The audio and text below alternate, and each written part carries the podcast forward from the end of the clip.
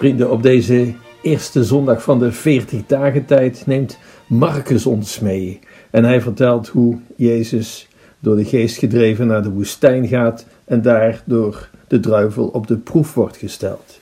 Marcus heeft een hele andere manier van schrijven dan uh, wat we afgelopen woensdag hoorden op Aswoensdag, waar uh, details worden vermeld door Matthäus om verleiding om uh, stenen in brood te veranderen, om van de tinnen van de tempel te springen en de engelen zullen hem wel opvangen.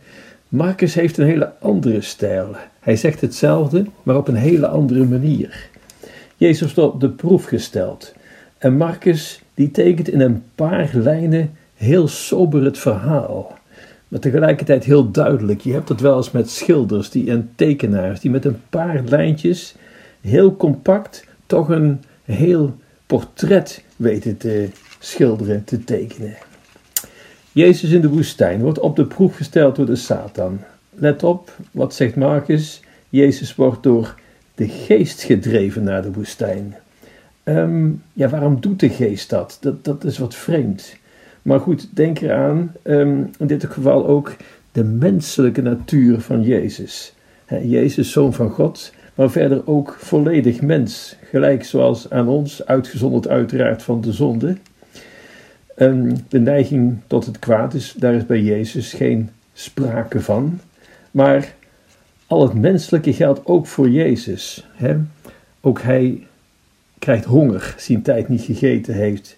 Als het koud is, ja, hem treft die kou ook. Hij heeft slaap, hij kan moe zijn en pijn lijden en verdrietig zijn. Al het menselijke wat er maar bestaat, ook dat is aanwezig in Jezus. En het is in die zin bijvoorbeeld ook verleidelijk om te eten als je honger hebt, terwijl je eigenlijk van plan bent te vasten.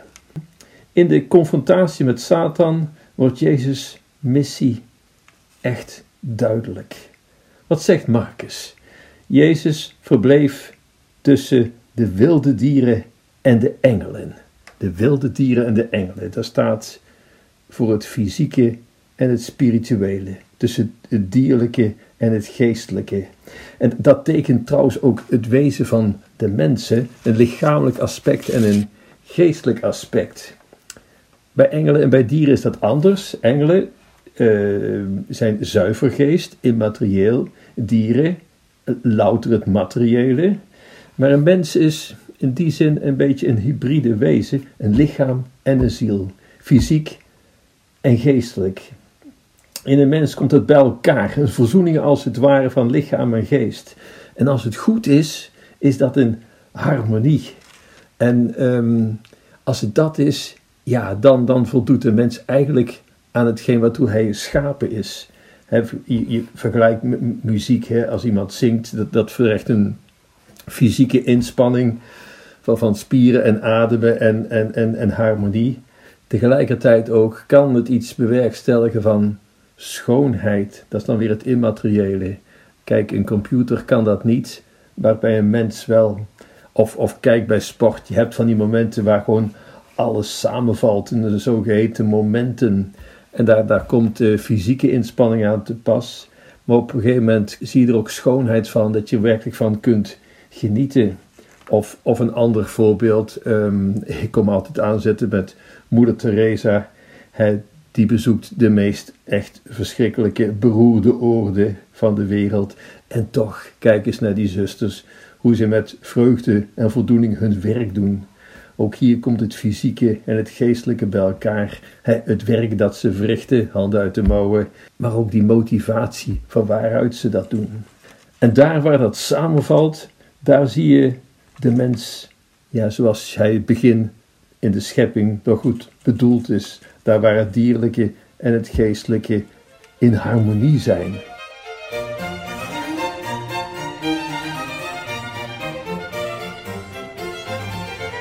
Maar wat is dan zonde? Het is misgegaan. Hè? Eerst begon goed, de schepping, daarna de zondeval. Wat is zonde? Um, zonde, we kennen het woord af, zondering. Het woordje zonde zit in het woord afzondering, oftewel verdeeldheid. In het Grieks diabolijn, diabolijn, verdeeldheid, diabolos, duivel. Hij is degene die verdeeld. Verdeeld en heerst. Daar waar het geestelijk en het materiële met elkaar strijden. Het Paulus zegt het, het goede dat ik wil doen, ik doe het niet. Het kwade wat ik niet wil doen, doe ik wel. Wat is dat toch? Hij weet het, daar heeft het kwaad mee te maken, die duivel. Maar goed, daar eindigt het niet mee, want God zij dank. En dan verkondigt hij Christus. Even voor de, om vergissingen te voorkomen. Christendom kent geen dualisme, zoals Plato dat kent. Het materiële is slecht en dat, dat kluistert het geestelijk alleen maar, alleen het geestelijk is goed. Nee, dat is niet zo. De incarnatie die, die zegt daar alles over. Het menselijke en het geestelijke, het zielenheer, dat komt daar samen. De vaste tijd waar we nu in zitten, dat is eigenlijk om ons daarop te bezinnen en om dat in harmonie met elkaar te brengen. De eerste zondag van de vaste wil daar duidelijk een overture van zijn.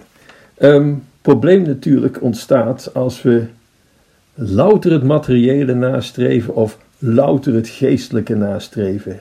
Het materialisme, we kennen het van onze tijd. Eh, genieten is eigenlijk hetgeen we doen. Kopen, kopen, genieten. Alles moet fun zijn. Het genot streven naar hedonisme. Ja, die, die weg leidt naar het moeras, naar de afgrond, naar depressies. Voor dieren is dat overigens geen probleem. Hè? Als een hond kan eten en slapen en hij heeft een goed baasje, dan is hij helemaal tevreden. Bij een mens is dat niet zo. Er ontbreekt iets, je mist iets. En als je louter het materiële nastreeft, dat leidt gegarandeerd tot depressies. U kent het liedje wel van Doe maar, is dit alles?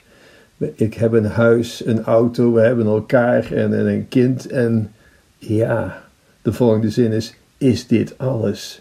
Er ontbreekt iets.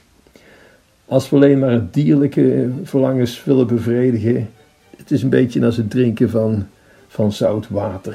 Het is nooit genoeg.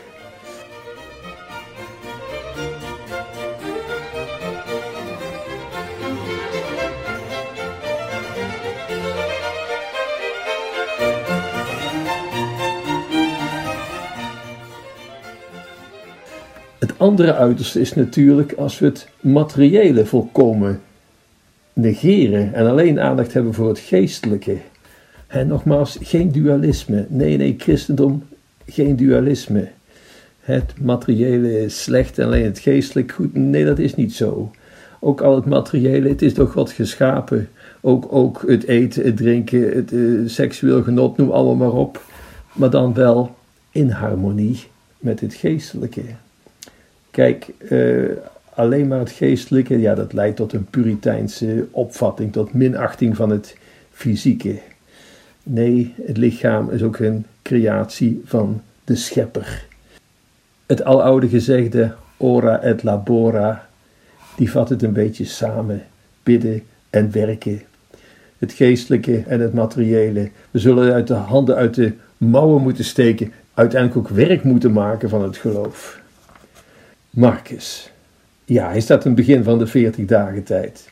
Jezus is de verzoening van die twee aspecten. Het herstel van de schepping, de recreatio. En Marcus verwoordt het al dus. Jezus in de woestijn tussen de beesten en de engelen. De recreatio.